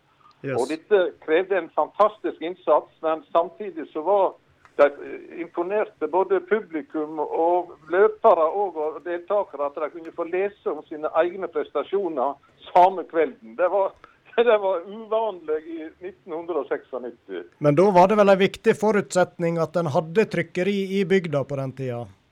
Det var helt avgjørende. Og at alle, hele staben i Fjordingen dro i lag. Både redaksjon og teknisk avdeling som skulle brekke stoffet, og de på trykkeriet som skulle få tr- trykkene ferdig på rotasjonspressa. Det var, det var jo alfa og omega. Det hadde ikke gått uten. så det var, Men det var fantastisk innsats til alle. Du sa da, Hans, at de la en eh, strategi for eh, arbeidet som skulle gjøres. og Jeg har jo bladd litt i gamle aviser fra 96, og jeg har jo sett at de har jo dekka både de store sakene og de eh, mye mindre sakene, som f.eks. dokø på Ulsheim. Så alt, var, alt ble dekt. Ja, vi prøvde å ta med både selve konkurransene og ramma rundt. og Og Det var jo kulturarrangement som kanskje ikke har vært så innpå her. Det var en kulturkomité som lagde flott kulturprogram. og Den komiteen som sto for seiersseremonien, gjorde en fantastisk jobb. Så det var jobba fantastisk i alle ledd. Vi måtte jo prøve å gjenspeile mest mulig selvfølgelig av, av dette her. Og det, Jeg føler at vi greide det godt. Jeg, jeg, føler iallfall det. Men det er jo pga. at vi var en stab som kunne drage så godt i lag, alle sammen. Ja, jeg òg har bladd litt i disse avisene, og jeg må nå si jeg ble imponert når jeg så bredda i stoffet, omfang og det han Thomas er inne på. Det var stort og det var smått. og eh, Var det sånn, eh, Hans, at en fikk på en måte litt sånn ekstra vitamininnsprøyting i redaksjonen? En var få, men en mobiliserte litt ekstra når en hadde et, eh, et stort arrangement å, å, å skulle dekke på den måten? Ja, uten tvil. Dette har vi jo sett fram til i, i årevis, holdt jeg på å. Iallfall siden det var tildelt NM. Og da tenkte vi framover øh, langsiktig nesten. Hvordan skal vi dekke dette her, og hvor kjekt skal dette her bli å få et så stort arrangement? For vi visste jo at det her plutselig vi var ikke på et kommunestyre i Håndal eller Stryn der vi satt som eneste journalist. Her ville det jo være en 10-15, kanskje 20 kollegaer. Og når det var pressekonferanser, så satt vi satt vi kanskje på bakerste benk på første pressekonferanse. For det var jo alltid pressekonferanse med medaljevinnerne etter øvelsene. Og, og, men eh, det var, det var så moro. Jeg gledde meg til hver eneste dag. Stå opp tidlig om morgenen, kjøre inn til Ulstein eller inn på Vangen og opplevde folk som var på vei med flagg og sekker og hånd og, og, og, og på vei opp til disse arenaene. Inspirerte av det som skjedde i OL to år før. Han sa jo det, han Kjell Kristian Rike, så det, dette var jo sendt på fjernsyn, at dette her var minte utrolig mye om OL, selvfølgelig i mye mindre skala, men den stemninga som var under dette NM, den, den var helt fantastisk. Det var ikke han vant med i NM, rett og slett, han Kjell Kristian Rike. Det er jo nesten fristende å spørre Hans eh, Hvor motivert var du på, for å dekke første kommunestyremøte etter NM? Nei, nei det, det husker jeg ikke, men jeg holdt meg iallfall våken. Det er det eneste jeg husker. Men, det var helt, helt utrolig. Men så er det ofte at du, du glemmer jo Jeg måtte jo til å, å slå opp resultatlistene for å se hvem som ble norgesmestere og sånn. Det, det glemmer du på en måte. Vegard Ulvang og Christian Brendan som vant hopp osv. Du, du glemmer det litt, dette der. men det er noen glimt. Hvis jeg, jeg tenkte meg, Hva slags glimt husker jeg best ifra, ifra NM? Og Da kan jeg si sånn at det jeg husker best fra Ulsheim, det var da han, da han eh, Thomas Alsgaard brøt fingeren. For da sto, Jeg sto ikke helt opp med mål. Jeg sto bort med arenabygget litt, litt eh, lenger vest og, og så på dette der at han gikk i mål med én stav. Og så eh, De fleste journalistene sto bort med mål. Men plutselig kom det en horde. Det var omtrent som en, hest, en flokk med hest. Kom dundrende bak, bakenfor meg. Og da viste det seg, da kom hele pressekorpset sprengende etter når Thomas Alsgaard som gikk i mål og ville ha seg fot inn i, i, Ulsteinbygget for, for å, reparere eller for å få førstehjelp på denne handa. Den som vant, og, og, og, og, det var, helt, var helt underordna. Det var bruddet av Thomas Alsgaard. Og der sprang journalistene som galne etter nå. Det husker jeg godt. Det jeg husker aller best av Bjørkelibakken, det er da kongen kom i, til, til det kombinerte hopprennet den dagen. Og, og den hilsningstalen som han Inge holdt til kongen, da han begynte med å si 'Herre konge'. Og det været, den lave sola, den fantastiske stemninga som var i Bjørkelibakken da, det er, også, det er noe jeg husker veldig godt. Selve konkurransene ellers, hvem som vant og, og, og tapte, det, det, det har nesten kommet i andre rekke. Uh, hei, Hans. Hei du, Inge. Du, når du nevner dette da med herre konge uh, det, var dire, det var direktiv, det.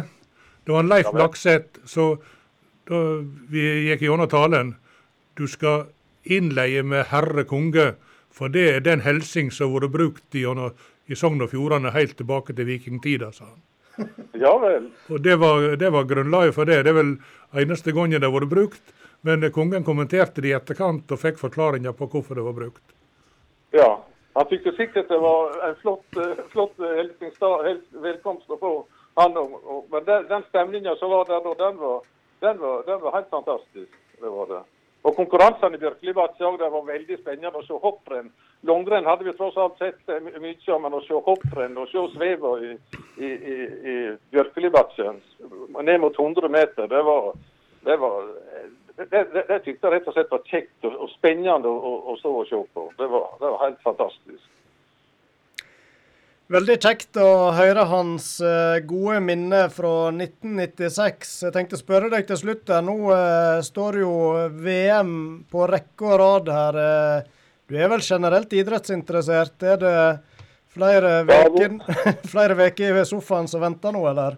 Å følge med? Ja, voldsomt, voldsomt interessert. Det må jo iallfall få med meg en, en god del. Og det er jo veldig kjekt når vi har lokale utøvere som disse her, han Tarjei og han eh, Johannes i skiskyting. Og vi har og vi har å, og kunne følge med på noen lokale. Vi snakket om Oddbjørn Hjelmeset som vi hadde den tida, før den tida Per Knut Aaland. og Når vi har sånne lokale helter som vi kan følge med på, da er det klart da er det ekstra spennende å følge med. Og nå, eh, nå er han Anders Fannemel tilbake i bakken kanskje òg. Ja, det så jeg. Det var noe veldig oppløftende at han kan begynne å få luft under skia igjen. Så vi får håpe og tro at uh, noe VM blir det selvfølgelig ikke, men uh, kanskje til neste år at han er i siget igjen. Ja, vi får ønske noe god bedring, helt på å si. God utvikling, sånn at han er tilbake til OL neste år. Vi satser på det. Tusen takk til deg, Hans, for at du var med oss. Takk for praten. Ha det godt. Ha det godt. Sport og spås. Like underholdende som ei god sklitakling. Ja, i stad da snakka vi med en av de som var utøver under NM, han eh, Oddbjørn Hjelmeset. Han var jo så godt som lokal, men det var òg noen løpere fra arrangørklubben eh, Markane som stilte til start i langrenn. Og blant dem var håndølen Jonny Seljeseth. God kveld til deg. God kveld, god kveld. Ja, eh, hva plass har NM 1996 i ditt minne? Er det noe du husker godt? Ja, jeg husker meg veldig godt eh, spesielt det folkelivet som var rundt i løypene når vi gikk. da. Og eh, den stemninga som var, og også dugnadene i forkant, kan du si. Ja, Det var voldsomt. For som lokal utøver så eh, ble du vel kanskje involvert litt i dugnadsarbeid òg? Det var ikke bare konkurransene? Ja, jeg husker veldig godt det. Det var litt eh, spesielt. For um, jeg var en av de som jobba der ute og drev og bygde på uh, selve huset på, på Ulstein. Uh, et halvt år i forveien, eller vel det. Vi begynte jo tidlig på høsten og skulle være klart til. Så jeg jobba jo der da, uh, på dagtid, og så trente det, klarte det etterpå. Og så ja, prøvde vi nå å gjøre så godt vi kunne på dugnad hvis det var det, og siste veka på snømåking og styr der ute. Men eh, du Jonny var jo direkte på heimebane. For mye av den snøen i løypene den var jo skrapa i hop inn på Seljeset. ja, ja, det stemmer det. Det var veldig, var omtrent som å gå hjemme på Seljeset. Ja. Men eh, når det gjaldt øvingene, jeg vet eh, Markane de stilte iallfall med stafettlag. og det gikk, Der gikk jo du lag med han Nils Hegdal og han eh, Per Fridolf Hillestad, som var vel sterkeste løperen av dere tre. Han gjorde noe ganske godt, eh, bl.a. på femmila med en Fire. Uh, Var det en 20.-plass han fikk? Femte. Ja, det stemmer sikkert. det. Det var, Han hadde en veldig bra femmiler, det husker jeg. Men eh, hva øvinger gikk du, Jonny? Nei, eh, jeg satt og tenkte litt på det her i stad. eh, Jeg husker nå ikke helt sikkert, men jeg tror det nesten gikk alt som var. Altså, hvis jeg husker helt feil. Så du gikk femmila du òg? dårlig odds. Ja, jeg tror jeg gjorde det. Ja. Men eh, som sagt, jeg, var, um, jeg tror jeg var litt sånn tåke da etter vi var kommet til den veka der vi skulle begynne å jobbe, så vi var helt galne for å bli ferdig med alt mulig. Og så skulle vi plutselig gå ski-NM, og så da var plutselig batteriet flatt, og alt var helt dødt den veka der, husker jeg. Hvor gammel var du uh, når det var NM i Stryn? Uh, jeg var 24. 24, ja. Resultatmessig, da, kan du huske noe? Nei, jeg tror beste løpet mitt var nok sikkert stafetten. Det bruker jeg som regel å klare. og Der har jeg som regel hatt bra løp på når vi har gått en sånn en stafett. Men eh, resten tror jeg var ganske langt under paret. Som sagt, jeg husker ikke resultatene, men jeg husker det er en ting jeg har spesielt lagt på, inn- minnet etter 96-sesongen. Det var at eh, vi gikk alle NM-distansene, og så reiste jeg på Birken heller etterpå. Og eh, Det gikk ikke sånn veldig bra for meg på Ulsheim, men eh, jeg reiste ned dit uten noen store forventninger. og Så starta jeg nå, og ja, det gikk nå veldig greit. og Jeg tror jeg hadde mm, en par og 30-plass i eliteklassen på Birken det året, så da Roland for iallfall heller, etter, heller etterpå. Så du fikk en eh, formutløsning av hele NM, du, da? ja, vi kan, kan, kan, kanskje kalle det det, ja. Jeg tenkte på det, Vi har snakka mye med de som var med og arrangerte. og Det er klart at det er jo litt sånn eh, blanda hvor mye de fikk med seg eh, av, eh, av folkeliv og arrangementet med, med publikum og stemning og alt sånt. Men jeg tenker deg som løper, hvordan eh, fanger du opp litt hvordan andre løpere oppfatter NM, og, og hvor likte seg eh, under NM her? Ja, eh, eh, kanskje jeg fikk vel kanskje ikke med meg så mye akkurat der og da, da annen stemning altså var rundt i, i selve NM-løypene og, og på Ulstein generelt. da. Men jeg har snakka med mange av de løyperne senere år, eh, etter, etterkant i mange år i forskjellige sammenheng. Og eh, alle har alltid lett vel om det NM på Ulstein. Det er noe som har gått igjen litt. Det hører jeg med flere utøvere jeg har truffet. Mm. Eh, du som var lokal, eh, Jonny. Bodde du på hotell, eller måtte du pent bo på gutterommet hjemme? Nei, jeg bodde nok hjemme, ja. Så eh, jeg tror nok når veka kom og vi skulle begynne å konkurrere, så var jeg vel som regel hjemme og prøvde å lade batteri til neste konkurranse og ja, gjøre de tingene jeg skulle gjøre før neste konkurranse. Så det var liksom det det dreide seg om den veka. Nå er jo du eh, far til en eh, ivrig kombinertløper som har vist eh, veldig lovende takter han eh, Torje Seljeseth. Har du trua på at han kanskje kan få oppleve et NM på heimebane, sånn som du gjorde? Eh, trua, trua Jeg kan iallfall håpe eh, at han kan få prøve det en gang. Men eh, det kreves utrolig mye. Det viser iallfall det arrangementet i 96 at det er ikke bare å tro at det kommer av seg sjøl. Det var et utrolig eh, ja, dugnadsløft av en dimensjon jeg ikke har sett de senere år, iallfall senere tid, på disse kanter. På samme måte, iallfall. Mm. Nei, vi får eh, se. Skal vi høre litt med han som var leder i hovedkomiteen etterpå, om han har trua på at eh, dugnadsånda er tilbake igjen 25 år etterpå, så det går an å tenke så stort. Men eh, tusen takk, Jonny, for at du òg delte litt uh, minne fra 1996, NM i Stryn. Sjøl takk. Ja, det var han Jonny Seljeseth, uh, Inge, og så han, drar nå litt på det. Dette med et nytt NM. Eh, nå skal nå det sies at etter 1996 så ble det nå arrangert junior-VM i nordiske greiene, og her har vært NM i skiskyting og ja. Her har nå vært forskjellige store arrangement siden, men det begynner kanskje å bli noen år siden nå, de virkelig store. Ja, og junior-NM òg i 2000. Ja. Og så skulle vi ha hovedlandsrennet i 2014. Og det er eneste gangen vi har måttet gi tapt for værgudene. Da kom ikke snøen. Og hadde, han kommet, hadde det vært lagt ei uke seinere, så hadde det vel gått, det òg. Men det var et så stort arrangement at det var kanskje for å si som han sa til Terje Viken, du får takke Gud for at det gikk som det gjorde. Ja, vi, men eh, hva, du, hva du tenker om det? Tror du, er, er- du, du sa det jo innledningsvis at eh, det du kanskje forbinder med dem, det var ikke et nei i noen sin munn. Eh, Er vi der i dag i 2021, eller er det andre tider? Det er andre tider, helt sikkert. Og det er mye tyngre å få folk til å stille opp i dag eller hva det var den gangen. Og, men det blir jo aldri et sånt samla NM, for den tida er over. Nå eh, kan det være langere enn del én eller del to. Eh, kombinert blir arrangert for seg sjøl. Eh, hopp blir arrangert for seg sjøl. Så det blir mer oppsplitta. Mm. Og jeg vil nok tro at eh, jeg, jeg var jo på NM del to for ganske få år siden. Jeg har jo vært på utrolig mange NM. Det er bare NM i 96 jeg ikke har peiling på resultatet eller sett noe som helst. Men um, i 2014 var vi nå nede på uh, Golå og så på der nede, og det er ikke noe umulighet. Et uh, NM del to. Og Skiforbundet har vært i kontakt flere ganger og hatt oss på lista. og og vi er aktuelle arrangører den dagen vi eventuelt finner ut at dette kan vi gjøre. Men en må ha på plass en organisasjon først. Organisasjon først, Og hvor lett det blir, det, det vet ikke jeg. Jeg mener, Når en først skal oppsummere 96, så bør en si at det var egentlig en dugnad der hele Nordfjord deltok. Og vi kan vel på mange måter si hele fylket, for fylkestinget var jo positive, eller fylkespolitikerne var positive. Alle så at dette var noe som dryppa på fylket. Og dermed åpna de lommebøkene på en helt annen måte. Næringslivet i Stryn, sponsorarbeidet.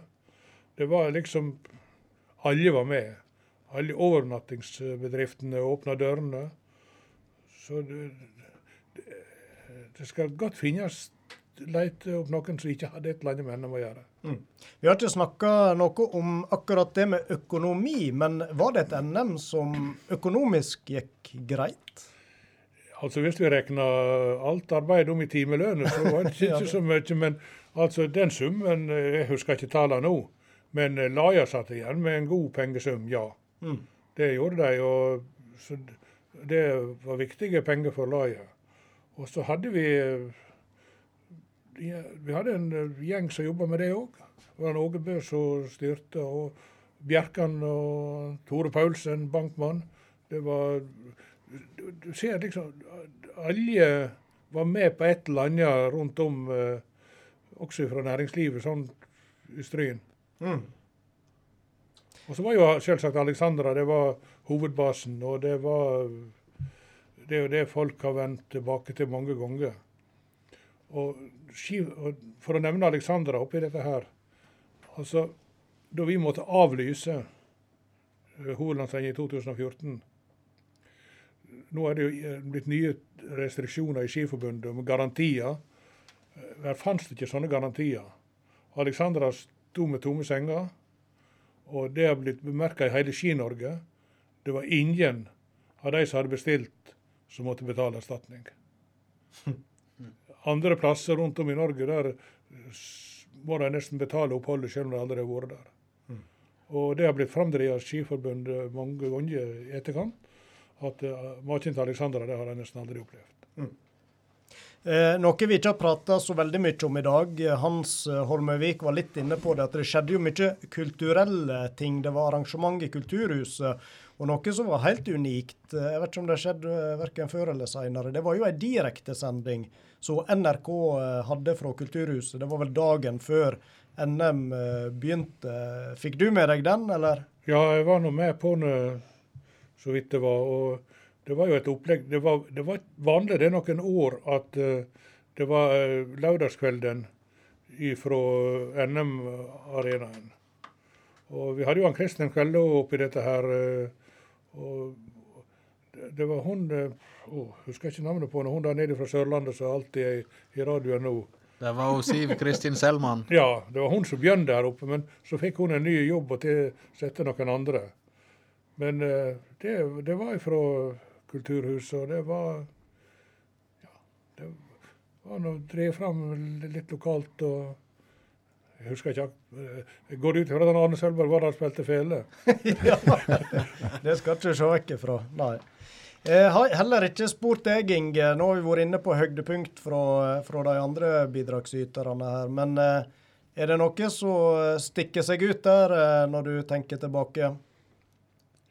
Nei, det som jeg husker best, det var jo Jeg har jo vært på utrolig mange NM som journalist. Og da sitter vi nå der og hakker og spør. Og så da plutselig sitter på hi side av bordet og tror at nå skal jeg fortelle om denne fantastiske tremila. Og når Vegard Ulvang og når Marit Mikkelplass og dette har gått så fint, og nå skal, det, skal vi skryte av oss sjøle. Og det var kun én ting de var opptatt av, det var fingeren av Thomas Alsgaard. Og uansett hvor jeg breide meg, så var det denne steinura som Oddbjørn hadde sett. Og, og så hadde en oppe fra Troms sett en togstubbe en annen plass. Den fant de heller ikke igjen. Men det skulle være en togstubb som hadde stått opp, så han hadde vært borti maskina si. Ja. Jeg tror det var han Carl Kjøn, Kjønsfjell. Ja. Så det, det var en opplevelse. Men det er klart, det å være vert for kongen var jo noe helt spesielt. Og på siste dagen før kongen skulle fare, da fikk vi et spørsmål. Skjønner, Heimevernet var jo med på dette her. Og han Olav Alaker, så var han begynner å bli en gammel mann, han var jo eldsjel i eh, alt som hadde med Heimevernet å gjøre. Han hadde vært områdesjef i, Vikane. Og han var jo sånn som heimevernsfolk var på den tid. Det var topphue og genser og kanskje et eh, belte.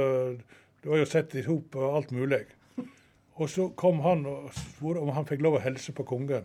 For han hadde vært militær både under kong Haakon, under kong Olaf, og nå var han militær også under kong Harald. Ja. Og det sa kong Harald ja til. Men da måtte vi rundt i Heimevernet og finne klær og klene opp med hue og med belte og ordne noenlunde. Eneste jakka med tre stjerner på, for han var jo kaptein. Ja.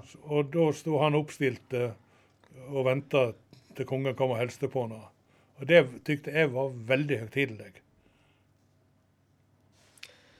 Da eh, har vi sittet her i snart eh, to timer, faktisk, og eh, mimra og prata og hatt det veldig kjekt eh, med deg, Inge, fan, og med alle gjestene vi har hatt eh, med oss. Eh, jeg tenker det er tid for å sule opp, og så eh, sier takk til de som har hørt på. Og så kan vi nå og bare minne om, hvis det er noe som har kommet inn midt i sendinga, så kommer denne til å bli lagt ut som podkast i morgen, sånn at det er mulighet til å høre hele sendinga når det måtte passe. Og på tampen så eh, får vi nå minne litt om denne her en fanfaren som vi etterlyste tidligere i sendinga. Gunhild Sindre som komponerte NM-fanfaren. Men den har vi altså ikke klart å oppdrive. Men et eller annet opptak av den, den det må nå finnes der ute en kvastrand. Så tips oss gjerne om det hvis noen eh, sitter med opplysninger der. Og eh, så kan vi nå minne om eh, konkurransen eh, vi har gående på Facebook-sida, Thomas. Ja, vi la ut et bilde av en uh, skiløper som var, kom i fokus. Og han har vel for så vidt vært ganske mye omsnakka i kveldens sending. Men hvis du veit svaret, så se på bildet på Facebook-sida vår og send inn på Messenger svaret ditt. Og premie jeg vet ikke, Inge, Fins det noe NM-jakke igjen fra 1996? Ja, jeg um, I går hadde jeg med meg to dresser opp til Ulsheim. Og eh, den ene skal idrettslaget henge opp som en suvenir. Men eh, jeg kan godt uh, den andre dressen, for han var ikke brukt, han gjelder NM. Fantastisk. Og, så den, eh, den kan vi dele Da, ut. da, Det dette kan- her er en dette, det er historie. Dette har eh, stor verdi, vil jeg påstå. Da eh, er altså premien en NM-dress fra 1996. Det er flotte Skogstad-produkter, så her er det bare å hive seg på konkurransen. Og så må vi jo slenge på ei T-skjorte òg. Ja, selvfølgelig. Og det skal eh, Inge få òg for god innsats eh, i studio. Og da håper jeg du òg har kosa deg litt her disse to timene. Har de min størrelse, da? Det, det skal vi ordne. Tusen takk til deg, Inge. Tusen takk eh, til alle som bidrog i denne sendinga. Da eh, takker vi av her i denne spesialutgåva av eh, Sport om spas. Jeg heter Roy Aron Myklebust ved min venstre side. Venstre side? Venstre! Nå går det tunga helt i krøll her. Venstre side. Thomas Alsgaard. Og ved min høyre side. Frank Ulvang. Ai, ai, ai. Takk for oss. Ha det bra.